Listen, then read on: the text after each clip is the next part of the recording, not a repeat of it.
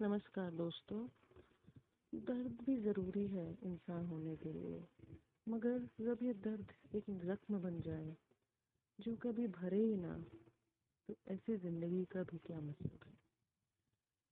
इसी विषय पे मैंने कविता लिखी है का शीर्षक है जख्म। आज का ये मखमली चाँद एक अलग ही सुकून लाया है, रूखे से इस मन में, जो बस सुर्ख जख्मों से रूबरू होना जानता था और आज ये निशब्द रात भी ये ज़ाहिर कर रही है कि उस काले आसमां में भी एक किरण छुपी होती है।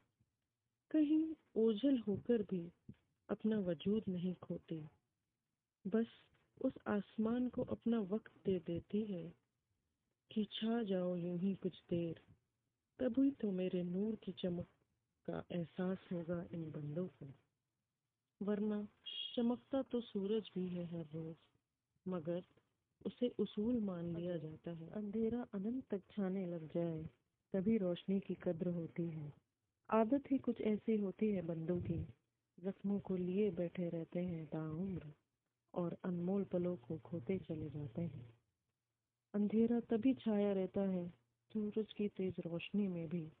इस मन में और इस जीवन में अगर कद्र की होती उन पलों की जो वापस नहीं आएँगे कभी तो जख्म खुद के भर जाते, यूँ ही रूबरू नहीं होते आए दिन एक अंधेरे की तरह।